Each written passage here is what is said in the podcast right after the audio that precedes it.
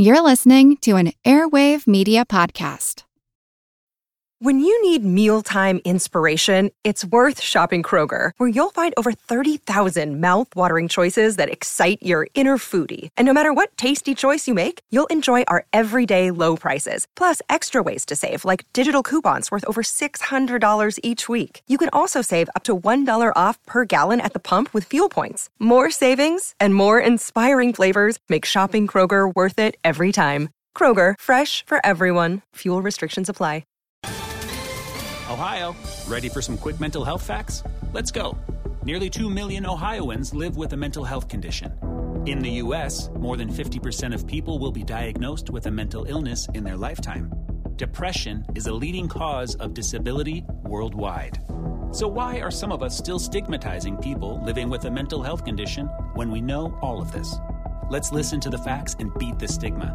Ohio, challenge what you know about mental health at beatthestigma.org. This is Kickass News. I'm Ben Mathis.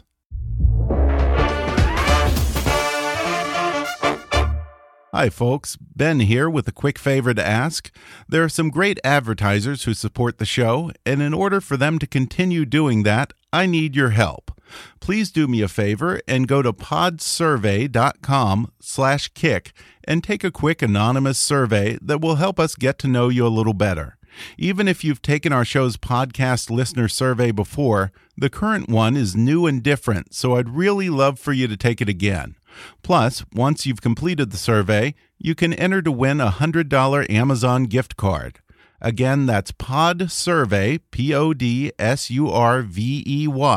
dot com slash kick. Thanks for your help, and now enjoy the podcast. Hi. I'm Ben Mathis, and welcome to Kickass News. A little over 10 years ago, Mike Judge, the creator of the TV series Silicon Valley and King of the Hill, wrote and directed a film envisioning a dystopian society where citizens have rebelled against intellectual curiosity, social responsibility, and reason in favor of populism, commercialism, and anti intellectualism, resulting in an America mired in ignorance and dysfunction. The film Idiocracy has recently enjoyed a cult revival as life imitated art during the 2016 election and subsequent events in which President Donald Trump has extolled the virtues of the poorly educated, legitimized conspiracy theories and conspiracy theorists like Alex Jones, and rebranded outright lies as alternative facts. Now, in a new book called The Death of Expertise The Campaign Against Established Knowledge and Why It Matters, my guest today says we're devolving into a society in which all voices, even the most ridiculous, demand not just to be heard, but to be taken with equal seriousness, and any claim to the contrary is dismissed as undemocratic elitism. Furthermore, he warns that this dangerous phenomenon could have disastrous consequences for the stability and survival of our republic in the 21st century. Tom Nichols is himself an expert in defense and national security, Russia, and nuclear arms control. He's a professor of national security affairs at the U.S. Naval War College and an adjunct professor in the Harvard Extension School. He is currently a senior associate of the Carnegie Council on Ethics and International Affairs and a fellow of the International History Institute at Boston University. Prior to that, he served as personal staff for foreign and defense affairs to the late U.S. Senator John Heinz of Pennsylvania. He was a fellow at the Center for Strategic and International Studies and a fellow of the International Security Program and the Project on Managing the Atom at the Belfer Center for Science and International Affairs at the John F. Kennedy School of Government at Harvard. He's also a five time undefeated Jeopardy champion, and as one of the all time top players, he was invited back to play in the 2005 Ultimate Tournament of Champions. He's the author of seven books, including Winning the World Lessons for America's Future from the Cold War, Eve of Destruction The Coming Age of Preventative War, No Use Nuclear Weapons and U.S. National Security, and his newest book, The Death of Expertise The Campaign Against Established Knowledge and Why It Matters. Today, he'll discuss Americans' alarming disdain for expertise, experience, and qualifications, and their eager embrace of amateurism and cluelessness. He'll reveal why higher education is part of the problem and how much of the responsibility for the death of expertise lies with the experts themselves. He'll discuss how one study has shown that the internet is actually making some people dumber, and how fact checking sites like Snopes are fighting a losing battle against the rapid proliferation of disinformation. He'll discuss how a love of conspiracy theories and disdain for academics and experts is inherent in the American spirit of independence and self reliance, but how this contempt for established knowledge could lead to the erosion of democracy in America itself. Plus, a few tips on how to consume a balanced diet of news every day and how to win at Jeopardy from this five time champion. Coming up with Professor Tom Nichols in just a moment.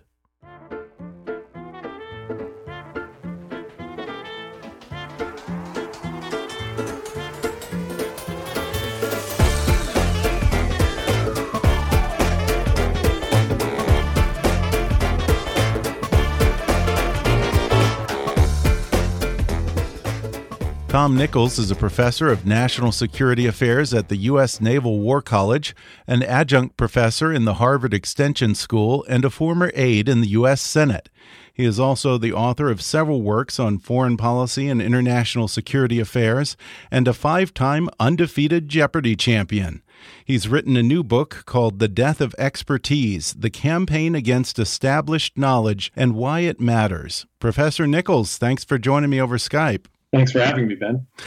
You say that people are more impressed a lot of times by the fact that you are a five time Jeopardy champion than with your long list of credentials and publications.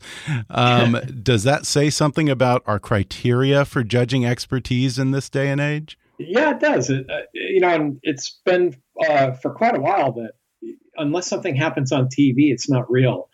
Uh, one of my favorite moments about Jeopardy is about 20 years ago when I was first on and I was teaching at Dartmouth College and you know, I was a young professor and I sort of thought I was very cool for having this great job and I'd written a book and all that stuff. And a student saw me on Jeopardy and he walked up to me and he said, Professor Nichols, I saw you on TV. I had no idea you were so smart. and it, you know, it, it did speak to kind of an essential truth that, you know, being on television and answering quiz questions is more in line with what people would say is smart than you know the kind of expertise that you would normally think would credential you to, to talk about things like foreign policy or international affairs. I wonder if uh, perhaps the future of game shows may no longer be a hard measurement of intelligence whether you're either right or wrong. Maybe the next generation of game shows are going to be uh, where the answer is entirely subjective or measured by audience applause.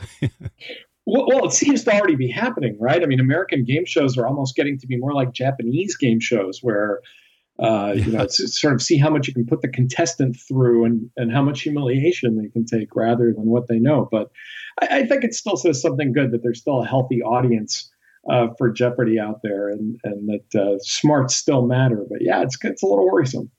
Well, in your book, The Death of Expertise, you say, quote, the United States is now a country obsessed with the worship of its own ignorance. Uh, judging by the news lately, I, I don't know that I can disagree with you. I guess my question would be we've always kind of teased the nerd in class, my generation, my parents' generation, perhaps even my grandparents' generation, you know, maybe called academics Poindexter or was distrustful of intellectuals. Why is this different?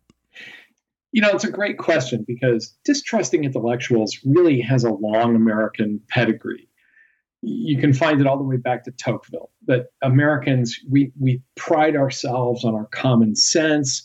Uh, we don't have the same kind of very structured uh, class or educational background that old Europe had. You know, the British Empire. Uh, so some of it's understandable, and and teasing the nerd in class. You know, sure, a lot of a lot of really smart people sometimes aren't that well socialized. Um, you know, the guy who's really good at doing differential equations in his head probably isn't that good at making small talk. What's different now is that people are actually proud of not knowing things. They're proud of not having achievements or or knowledge in the thing they're talking about because it's almost like like a an act of empowerment to say that I reject the I reject the advice of experts and I don't listen to people who know more than I do. It's it's a, it's a way of saying you know I'm independent, I'm strong. Um, you saw the the president running on this during his campaign. Who knew? Right. What if what if I didn't have experts? Who cares about experts? you know the experts are terrible, and and it's not even just in the United States. You saw it in Brexit uh, in the in the UK as well, where the Brexiteers were saying things like, "Well, you know, people have had enough of experts." And it's almost like a kind of a new declaration of independence to say, I'm so smart that I don't need anybody smarter than me. But it's but it's really not true. And we all need people that are smarter than us in other things. Nobody's good at everything. And you know, while we would tease, say, the nerd in class, people used to look up to the Einsteins and medical doctors, academics were people who we trusted and admired. Another great point, right? Even the guys that we would tease in class and call a Poindexter, you know, or a propeller head, we always said it with a bit of kind of grudging admiration, right? right. You know, you'd say, well, that, that guy's a little weird, but he's the one that's going to get into MIT or Caltech. um, now, uh, I think what's different is that a lot of Americans don't feel like they're in control of their lives and they're looking for somebody to blame. They feel like the world's become incomprehensibly complex. And this, this actually happens in societies in cycles where it feels like the world is kind of spinning out of control. The world is really complicated. It's hard to, and, and the only people who seem to understand things are experts. And if they're the only people who understand them, they must be to blame for whatever it is uh, that you don't like. I'll add one more thing and say that we live in an information age, and unlike previous eras, um, the information age has drawn a much stronger distinction between people who can prosper in a demanding information economy and people who can't. Now, society tends to value information a lot more, and it leads to a lot of social resentment, even with people that are doing okay economically. Hmm. They're still feeling kind of social resentment that smartness seems to be more valued or to give you more of an advantage in society. Is it that people in this day and age are any dumber or less willing to listen to experts than they were before? Or is it that we can hear them all and they're amplified by things like the internet and social media? Oh, that, that last point is really important. In the book, I say try to imagine what the world would have sounded like in 1925 if everybody had a radio station right? I mean, it would you know it would be intolerable. Uh, you know, every crank in the 1920s who believed in every conspiracy theory, you know, broadcasting at 50,000 watts. Um, I don't think people are dumber. I think that's a cliche that you know kids kids these days, right? They're getting stupider. Mm-hmm. That's really not the case. However, there is a lot more information to master. Um, you know, my mom and dad in the 1930s would have had to learn geometry uh, just as an eighth grader today has to learn geometry. The difference is today's eighth grader lives in a world of space flight. Mm-hmm. Um, but people are less willing to listen. And I think the bigger problem, and the word that I use a lot in the book, people aren't dumber than they used to be, but they are significantly more narcissistic than they used to be. They're much more thin skinned, they are much more self regarding, um, they are much less tolerant of being corrected. And I think that's a big part of what's driving this problem with expertise. Even though you say that people aren't necessarily dumber, you do point out in the book a study that actually showed that young people today are less intelligent than they were a generation or two ago.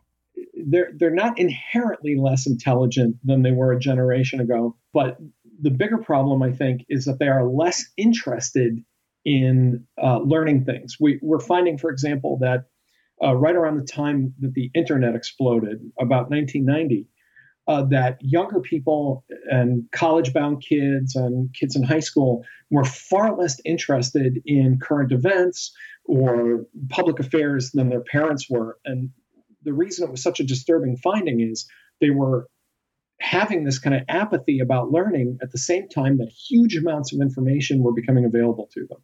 Is part of the problem perhaps political correctness? And we live in the society where everyone gets uh, a trophy and everyone's opinion yes. is treated as fact? Yes, I, am not sure that I would call it political correctness so much as I would call it a kind of therapeutic culture. Hmm.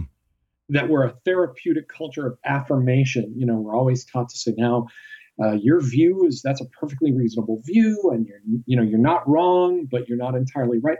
Education has become this kind of exercise in, in the affirmation of the self-esteem of students. You know i really think that's a bad idea. I mean i'm i've had a long career as a teacher and i think i've had a pretty good career. I think most of my students would tell you i'm pretty affable in class. I you know i, I have a great time with my students.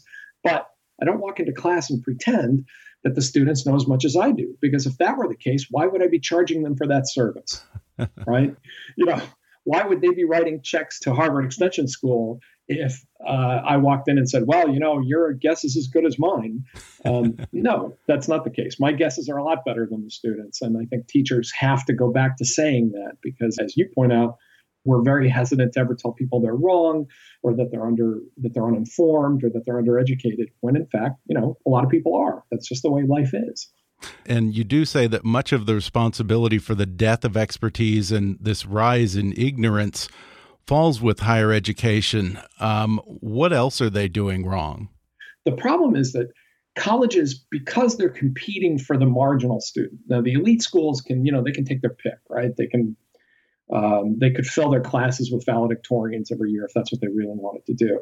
The schools that are competing for the students who may or may not go to college or to get a hold of their loan money or to keep them in school until at least for a few years, they're making college into an experience. And part of that experience is not telling the students they're wrong. They want the students to be happy. Well, as odd as this is going to sound to say, you know, college isn't supposed to make you happy all the time. College is supposed to be uncomfortable. It's supposed to be unsettling. That's where you learn that all the stuff you learned as a kid, all the myths and you know all the things that you're taught as a small child are a lot more complicated than you first realized. And I think colleges have shied away from that mission. They've tried to say, come to big state university because we have rock climbing and we have great dorms and we have terrific pizza in the quad and our teachers are all your best friends. And that's not what college is supposed to be some of the best college professors I ever had started off by scaring the hell out of me. you know, some sometimes that's that's an important part of learning, and I think we've lost that. And I think the downside is when you graduate, you don't really feel like you've encountered people that are that much smarter than you, or mm-hmm. that learning things is that difficult. Yeah, you say that there's very little distinction being made between the teacher and the student. And one of the problems you cite is teacher evaluation surveys. Yeah. yeah. You know, I was a department chairman and um, I've had to review student evaluations both on myself and others. And again, I, I think it's important to tell your listeners I have no axe to grind here because I've had very good evaluations my whole career. I've won, you know, this isn't sound right. like, oh, I so suck not teaching, personal. so I hate the students. um, I, I've had good evaluations. I've won teaching awards at the institutions I've been at. But student evaluations really are inherently a kind of kooky enterprise where you're asking 19 or 20 year old kids to evaluate somebody who might be 50 or 60 years old who's been doing this for 30 years. You know, colleges, for example, are famous for usually not having evaluations in courses like statistics mm-hmm. because it's just it's the vegetable you have to eat and nobody's going to like it and i think that student evaluations have gone too far uh, because it encourages the students to think of themselves as the judges and peers of people that are giving them grades and teaching them. I say in the book, I hate the expression, and I know there are a lot of teachers who use it. The, t- the teacher who says, Well, I learn as much from my students as they learn from me. my God, do I hate that expression. you walk out of my class and I say that this was a perfectly even exchange of knowledge, then I shortchanged you somehow. Asking you on an evaluation, did you like me? Did you have fun? It's like they're reviewing a restaurant you know and i yeah. and i just think Yelp that's unfortunate yeah for anyone who's listening who remembers Cheers, um, you reference Cliff Clavin a lot in this book. Cliff Clavin, of course, was the postman who hung out at Cheers, and he was, I guess, kind of a Socrates of misinformation. yeah, he was, he's the annoying know it all who always sat at the end of the bar in every episode saying, well, uh, you know, uh, Sammy, uh, it's a known fact, you know, or studies have shown. And of course, it, the next thing that came out of his mouth was always something completely crazy yeah. or, or inane. And one of the things I point out in the book is that we're, we're kind of all turning into that guy, in part because we've all got a smartphone in our pocket and we're all dueling with factoids and we all want to be right all the time because we all think we're the smartest kid in the, in the room and uh, it, it's insufferable. I mean, it's corroded our social life and made conversation. There's there's a chapter in the book, right? I, I basically say how conversation became exhausting. and it, and it does. It makes conversation just exhausting after a while. Well, yeah, because you know we've all been at a cocktail party or some social setting where the dumbest guy in the room dominates the conversation with conspiracy theories and misinformation, and usually we all kind of smirk at each other and just nod until they shut up rather than engage them because we don't want to prolong right. this pointless conversation, you know, or we're trying to be polite. By doing that, are we shirking our responsibility and maybe adding to the problem? Um, I don't think it's incumbent on all of us to start telling each other to shut up. I do think experts have to step forward and they have to be less shy about saying, look, you know, I, I understand you have strongly held opinions here, but it's really, you know, the thing I know is the thing I know. And I, I think experts have have been shirking that duty because it's uncomfortable. It's confrontational. It, it's a, it, it's something you don't want to do um, because you know it's. It, I mean, we've all been at that party. We've all seen that guy. I will also say on a few occasions, I've been that guy. I think every one of us is guilty at some point in our lives where we've held forth on something where we probably should have just shut up. But you know, when the whole dinner party becomes everybody being that guy, then yes, I think we have to step forward and say, wait, yeah. Know, are are we really as well informed on this as we think we are? Maybe we ought to listen to each other more than we talk. Well, I can't just be polite and shut up. If I see, you know, even though I'm not an expert on something, I see something that's blatant misinformation or conspiracy theories being propagated on Facebook or in a casual conversation in person. I feel that if you know something not to be true, then you have a duty to try and correct it because, especially with the internet now, there are some people who don't have the time to do the kind of research that they need to on a particular subject, and they'll take that as fact. Or, or worse, they think that having looked at the internet briefly counts as research. Right. Which is really infuriating. So, well, you know, I read recently, and what they mean is I scanned a, a, a few lines of text on my phone recently. Yeah. Um, and I and I you know I feel your pain because I'm that guy too. I mean I I don't really have a lot of patience for this. I said earlier that I hate that expression about you know learning as much as they learn from me. The other expression that I really hate, and I say this in the book, is let's agree to disagree. Right. I I hate that expression with a passion because it basically says uh, I will consent to you being wrong and not say anything about it anymore. Yeah. I've literally been at a social setting with a friend and another friend of mine who's a very well respected doctor, graduated from Johns Hopkins at the head of his class, and they started talking about vaccines. And my friend, who doesn't know the first thing about medicine, said, Well, I guess we'll have to agree to disagree. My doctor friend said, No, you're not a doctor. this is not right. an agree to disagree kind of thing. I do that all the time. And they say, you know, let's agree to disagree. And I say, no, let's just agree that you're wrong. yeah. Because, you know, I'm, if it's something I feel that I, you know, pretty, pretty strongly right about, you know, there, there is no point in agreeing. I call that a conversational fire extinguisher. Mm-hmm. That people back themselves into a corner and, you know, the whole room is burning around them and they pull this up and they say, well, let's just agree to disagree. you know, and they, they try to put it out. And I, I, I think um, we have to stop doing that. I think, I think uh, that we, we have to stop putting ourselves in those corners. We have to stop trying to one up each other. Because I was asked recently, well, what can we do about this in those situations? And I said, well, we have to all start being nicer to each other because somehow, and I think social media plays a big role in this. Mm-hmm. We've internalized the idea that the point of a conversation is not to establish intimacy or discover something about another person or to exchange information. The point of a conversation is to win. Yeah. And if you approach every conversation with, I'm just here to win, I'm just here to establish kind of some kind of self actualizing dominance or make myself feel better about, you know, that I was picked on in gym class or something, um, that then you're really not going to get anywhere. And I, and I think that's the thing that's got to stop. And that's what I mean about narcissism. People no longer uh, have conversations with other human beings to say, hey, you're interesting. I want to know more about what you think. Yeah. I want to share my view with you. I want to establish a human connection. They go into these conversations instead to say, I'm here to win. I'm yeah. here to make myself feel better about me. And I think that's what's really got to stop. Yeah. And I certainly feel that that's becoming even worse in the age of Donald Trump. Just last week, I was talking to a friend of mine who is a big Trump supporter.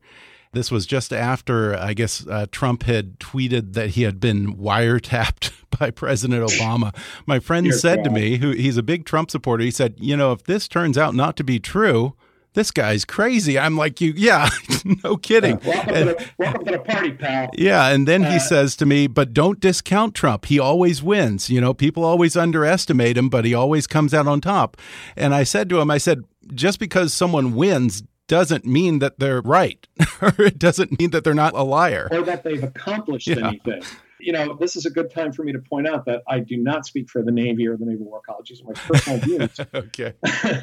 but let me be fair to the president and say he didn't invent this either. Right. He's perfected it as a political tool, but he did not invent this, you know, sort of um, juvenile one-upmanship that Americans are using against each other. I think actually the president, during his campaign, he caught that wave and surfed it mm-hmm. really well but I think he's also kind of made it okay. I mean, I, right. I, hate the fact that young younger men in particular. I'm I'm 56. I mean, I'm not an old codger, but I'm not a young guy.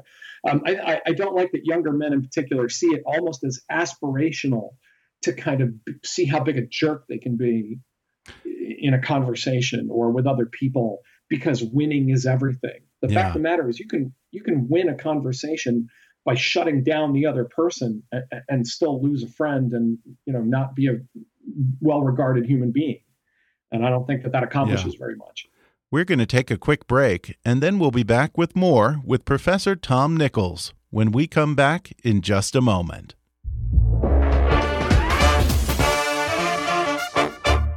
Folks, whether you're starting an online business or trying to get your existing business online, GoDaddy wants to help.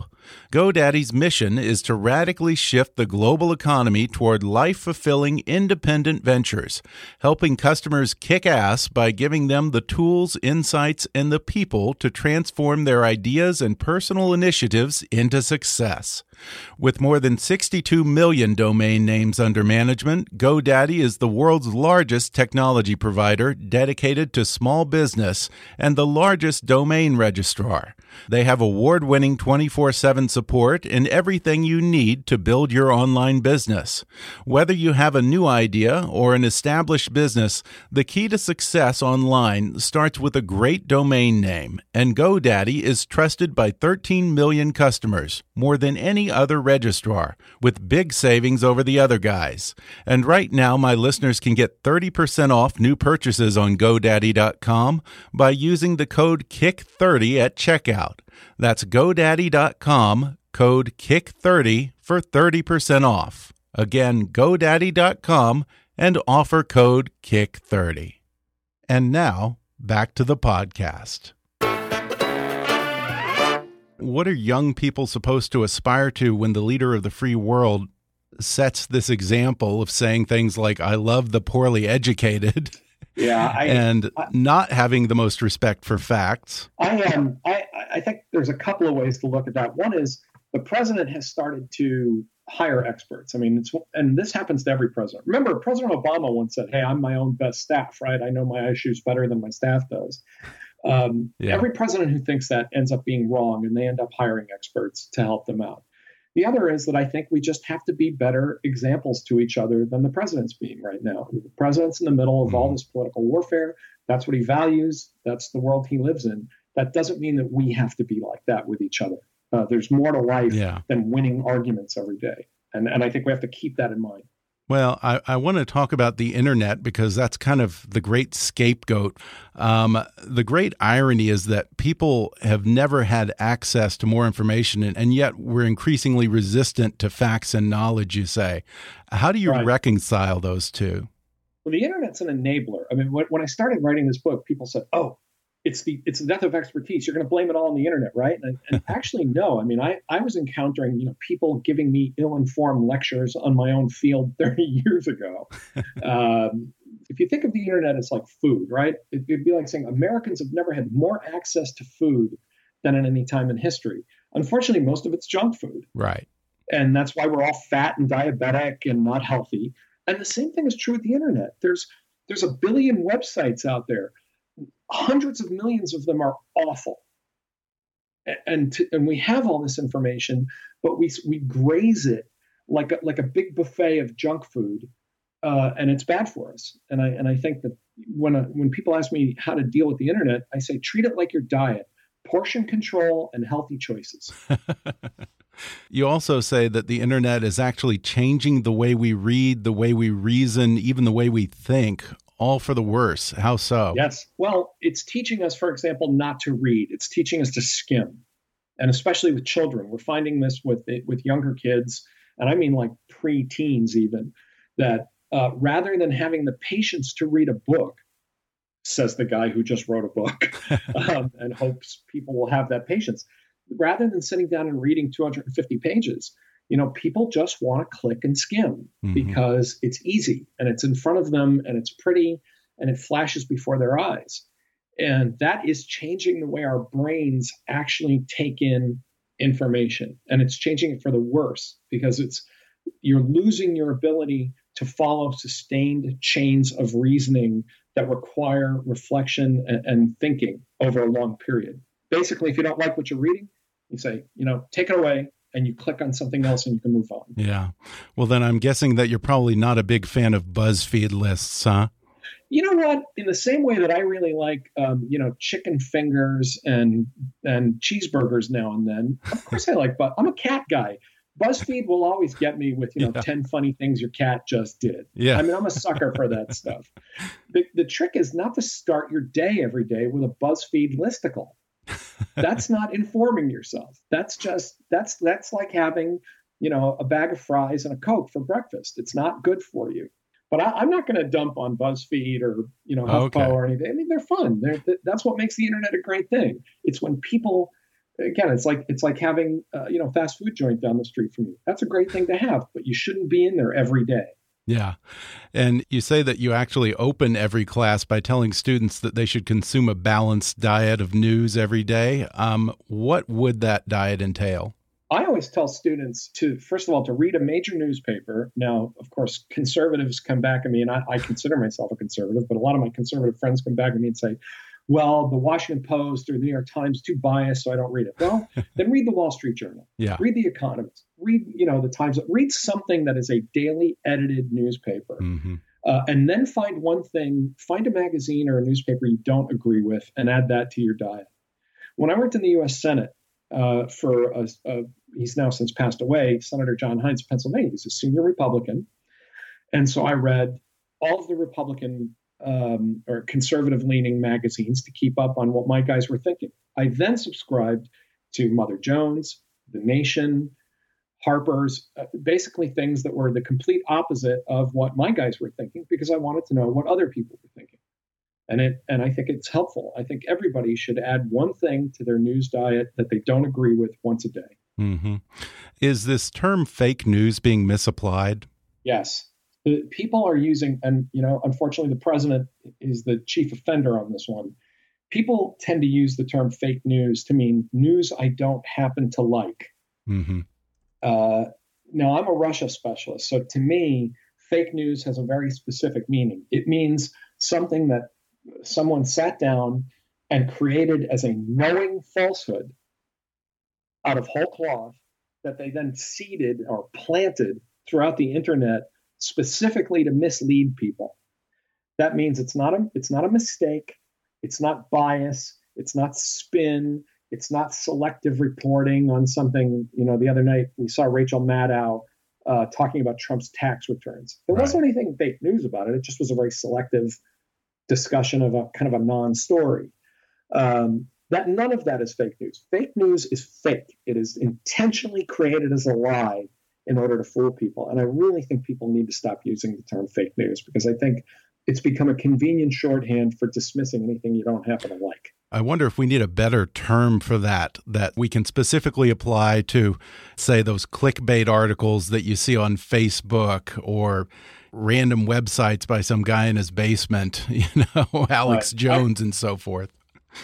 Well, Alex Jones, I think no. In that case, I think I do think of you know Infowars and, and Breitbart as intentionally fake news. I mean, yeah. there are stories on there, unless Alex Jones really believes in chemtrails, you know, or or gay frogs or whatever his issue of the day is. Yeah. Uh, that there are stories that are literally fabricated. Uh, well, seem to be fabricated stories, or mm-hmm. seem to be so outlandish that no one could believe them. But even then, you know, uh, places like Breitbart or um, I'm trying to think of some other equivalent sites like that. I mean, there are there are nuggets of stories in there, but they are presented so wildly that I don't think of them as fake news. I think of them as junk food. Yeah, I think of them as just you know the kind of prepackaged, full of chemical, um, you know, high fat junk, you know, sitting in a in the gas station food aisle that you shouldn't be eating.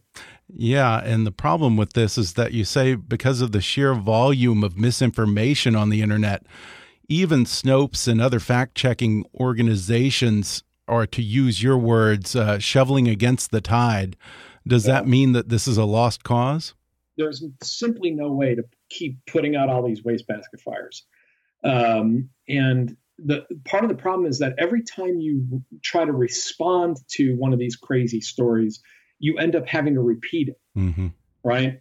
So, like this, the story about oh, is Obama a Muslim? If you say, well, Obama's not a Muslim, the problem is that now you're repeating the original charge and it just starts soaking into the social fabric.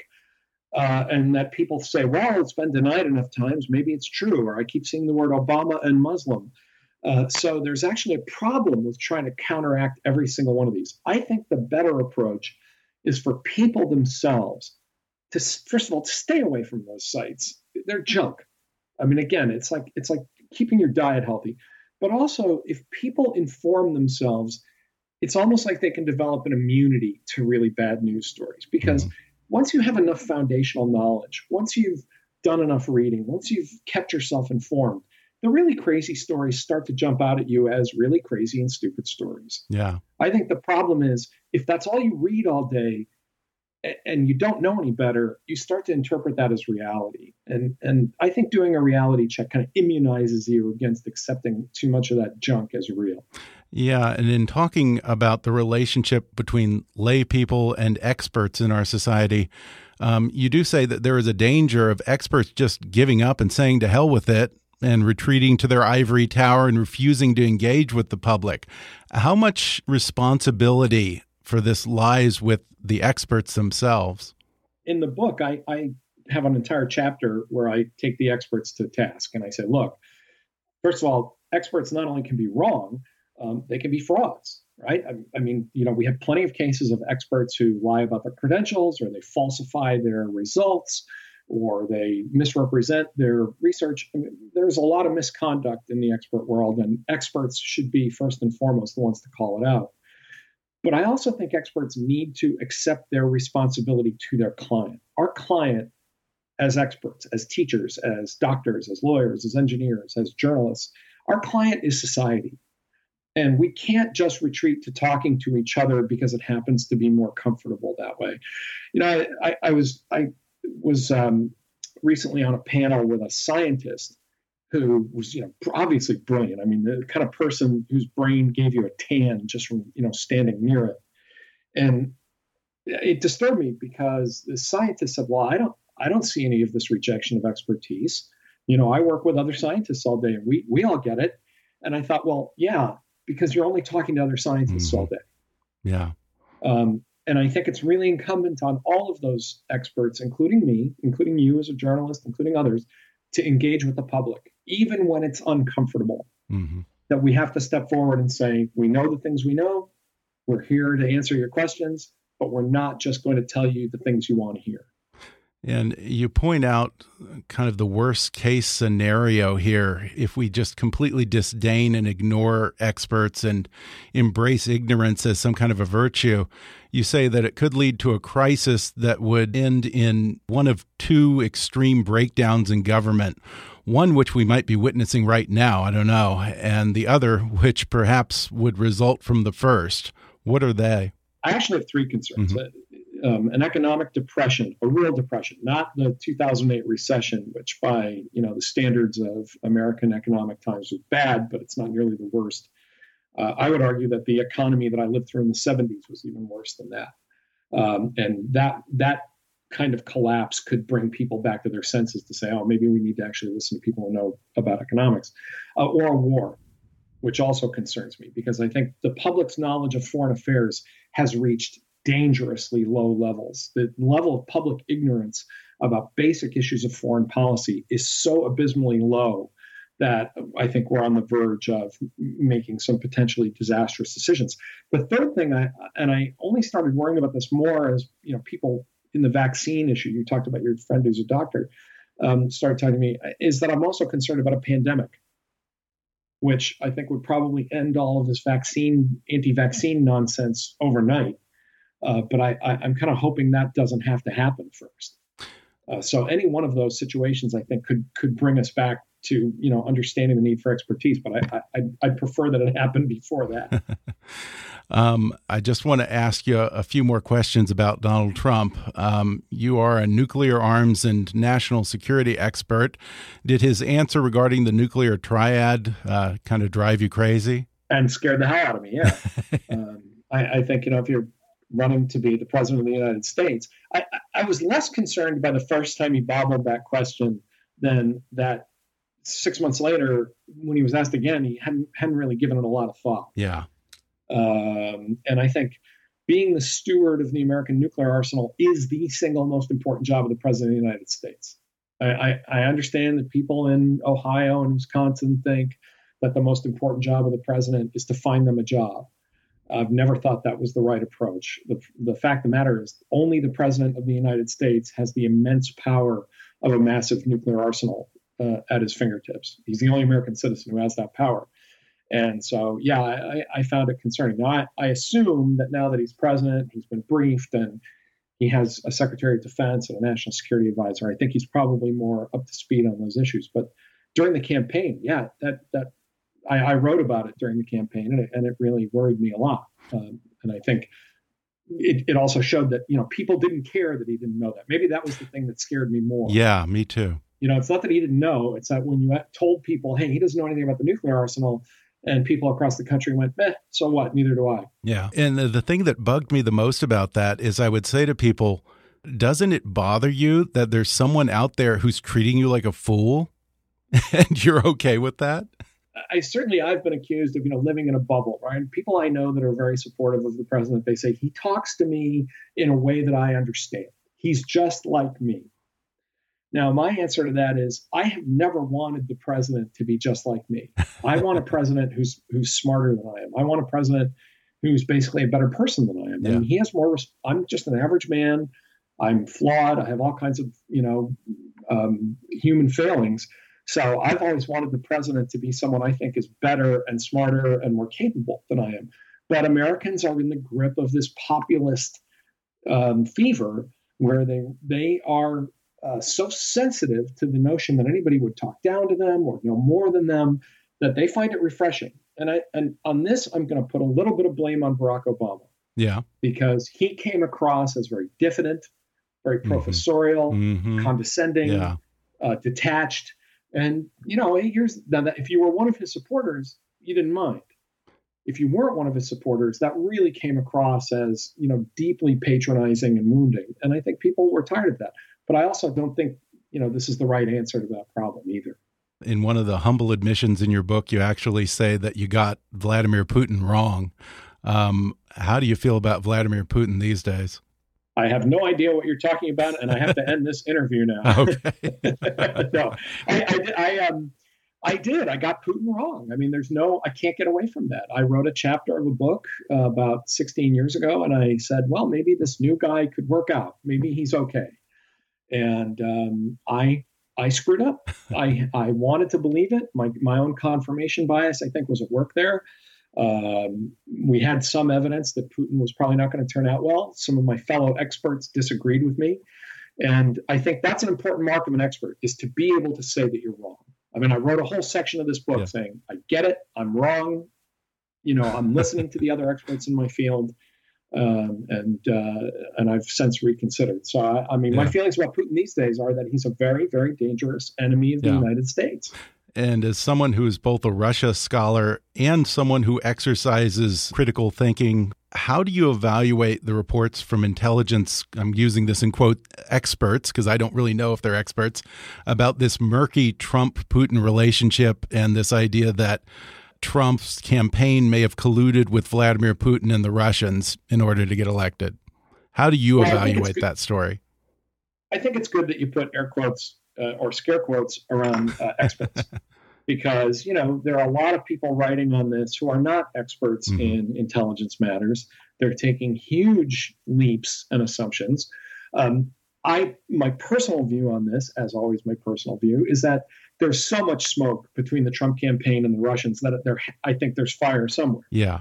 Now, it, it, the more nuanced approach to this, I think people have watched too many movies and they're expecting to find some piece of video where Sergei Kislyak, the Russian ambassador, you know, leaves a, a trunk full of money uh, on the steps of Trump Tower or something. And that's not how these things happen. I mean, I think that there are pro- there were probably people in the Trump campaign who were inappropriately close to the Russians, may have had discussions or offered uh, negotiations or deals that they weren't empowered to offer. We don't know. Yeah. Um, but I think with this much smoke about how many people in the Trump campaign had dealings with Russia, I think it's clear that the Russians had some influence, certainly on the Republican platform when it came mm-hmm. to Ukraine. That I think we know. Um, now, was there, was is there more to it? Is there stuff that was illegal? I think this is where I I, I always hmm. counsel people let the experts sort this out. Yeah. Let the people who are professionals and investigators, you know, figure this out before you jump to wild conclusions. Uh, do some of the intelligence sources that have expressed concerns, or the British intelligence agent who was the original source of the report, do they seem credible to you based on your experience? I think anything that comes from a single source is not uh, is hmm. immediately. I, I'm not going to say it's not credible, but single sourcing anything is always a problem of credibility. Mm-hmm. Um, that's the equivalent of uh, an expression I always use here in Rhode Island. That's the equivalent of I know a guy. Yeah. Right. Well, how do you know this thing? Well, I know yeah. a guy. But some of our own intelligence agencies are now corroborating various parts of that report, are they not? But that's how reports like that are written. And that's how some mm-hmm. of these misinformation campaigns are done. I see. Because when you put together something that you're using to mislead people, you always include nuggets of the truth. A grain of truth, yeah. Uh, yeah. you, you would never create something that's a complete fabrication because it's too easy to dismiss as a fabrication. So I am my, I personally am not surprised that there are details in this thing that whatever it is that came out of this this report that were able to be corroborated because that's just the way those kinds of things happen. I think again it's it's a it's it's better to wait to let professionals who do this. And, and, you know, part of the problem too, going back to the question of the internet on this, people have gotten used to things happening fast. Mm-hmm. And unpacking something like this, unpacking this kind of long trail that includes money and banks and finance and intelligence operations and all this, it takes time. And I think as a as a people, because of the internet, because of communications and the media, we, we sort of expect everything to take a day right? Say, well, we've asked this question and we'll be back tomorrow with the answer. And, let, and real life doesn't work that way. Yeah. So I think this is going to take time.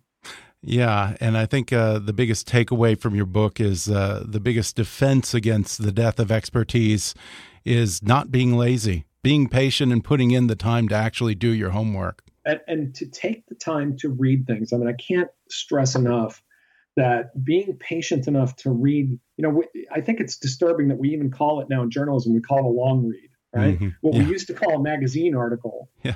of normal length is now called a long read. Yeah. Um, because people think it's too long. Take the time to actually sit down, read something. And I, again, as a practitioner of social media myself, I'm guilty of this, but I, I still would advise people uh, read something and think about it before you comment. Yeah. Think about it before you fire off a tweet. that that's just a healthier way to approach everything in terms of information. Yeah. Before we go, do you have a secret to winning at Jeopardy? Most of the questions on Jeopardy, there's there's there's really two things to understand about Jeopardy. One is that if you graduated from high school, you probably know most of the answers. Really? Um, but the thing to understand about Jeopardy is they bury the answer right in the question. Usually the clue is right there in front of you. And so it's really important not to overthink a Jeopardy question. Go with your go with your gut because you probably know the answer. But when you're playing the game on the show, that little button, that little that little buzzer that you're holding, yeah, that's the key to everything. Because in my I played eight shows. Um, I came back for the Tournament of Champions and an Ultimate Tournament, so I played about eight shows altogether. Um, I found that most of the time, all three of us were ringing in.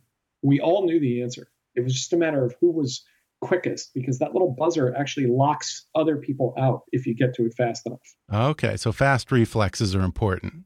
That's the mastering the buzzer is the key to the game. Yes. okay. Absolutely. Well, again, the book is called The Death of Expertise The Campaign Against Established Knowledge and Why It Matters. Professor Tom Nichols, thanks so much for taking the time to talk to me about it. Thanks very much for having me, Ben. In this era of fake news and alternative facts, the best defense our society has against plummeting into a new dark age is reason, curiosity, and yes, a little humility. Folks, there's no intrinsic value in being right. In fact, those who know me well have probably heard me say on more than one occasion that I'd rather be wrong than right. Because while validation and ego stroking is nice, I gain nothing of substance from simply being right. But being wrong, when indeed I am, is always a new opportunity to learn something, and perhaps even to grow as a human being. There's always going to be someone who knows more about something than I do. I'm okay with that. Actually, I'm grateful for it. What a sad thing it would be to be a man who thinks he knows everything and yet knows nothing. And when that man is the most powerful man in the world, with all the resources and expertise at his disposal, but too proud to take advantage of any of it, he is nothing more than a fool sitting atop an idiocracy of his own making. Experts are not the enemy. The media is not the enemy. America's intelligence community is certainly not the enemy. Ignorance, that's the enemy. Thanks again to Tom Nichols for joining me on the podcast. You can order The Death of Expertise The Campaign Against Established Knowledge and Why It Matters on Amazon. You can visit Tom Nichols' website at tomnichols.net and follow him on Twitter at, at RadioFreeTom. Be sure to subscribe to Kickass News on iTunes and leave us a review while you're there. Don't forget to take our listener survey. It only takes five minutes at podsurvey.com slash kick. You can visit Kickass News on Facebook and follow us on Twitter at, at KickassNewsPod. And be sure to recommend Kickass News to your friends on your social media. And if you really want to help out, then donate to our GoFundMe campaign at gofundme.com slash kickassnews or click on the donate button at kickassnews.com. As always, I welcome your comments, questions, and suggestions at comments at kickassnews.com. For now, though, I'm Ben Mathis, and thanks for listening to Kickass News.